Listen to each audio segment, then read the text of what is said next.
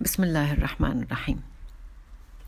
بعد هجرة النبي صلى الله عليه وسلم وأصحابه من مكة إلى يثرب لم يتبقى في مكة إلا عدد قليل من المسلمين لم يهاجروا لمرضهم وكبر سنهم.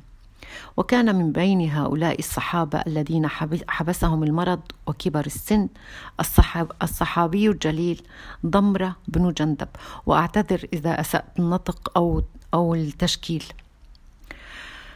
لم يستطع هذا الصحابي أن يتحمل مشقة السفر وحده وحرارة الصحراء فظل في مكة مرغما.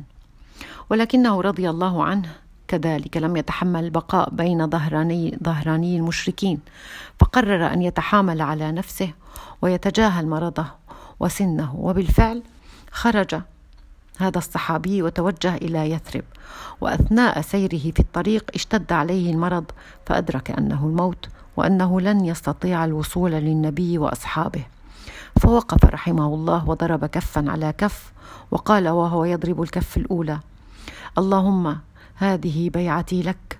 ثم قال وهو يضرب الثانية وهذه بيعتي لنبيك. ثم سقط ميتا.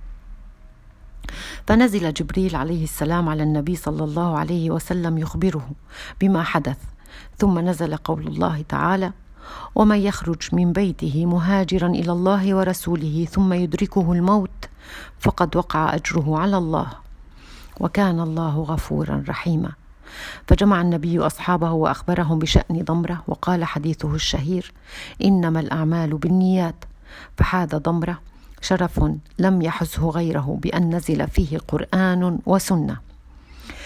العمل مع الله لا يشترط فيه أن تصل للهدف ولكن يكفيك أن تموت وأنت تعمل وتسير في الطريق إليه. ما دامت نيتك لله فنحن مطالبون بالسير لا بالوصول. إذ قال الشافعي رحمه الله في ذلك سيروا إلى الله عرجا أو مكاسيرا فإن انتظار الصحة بطالة.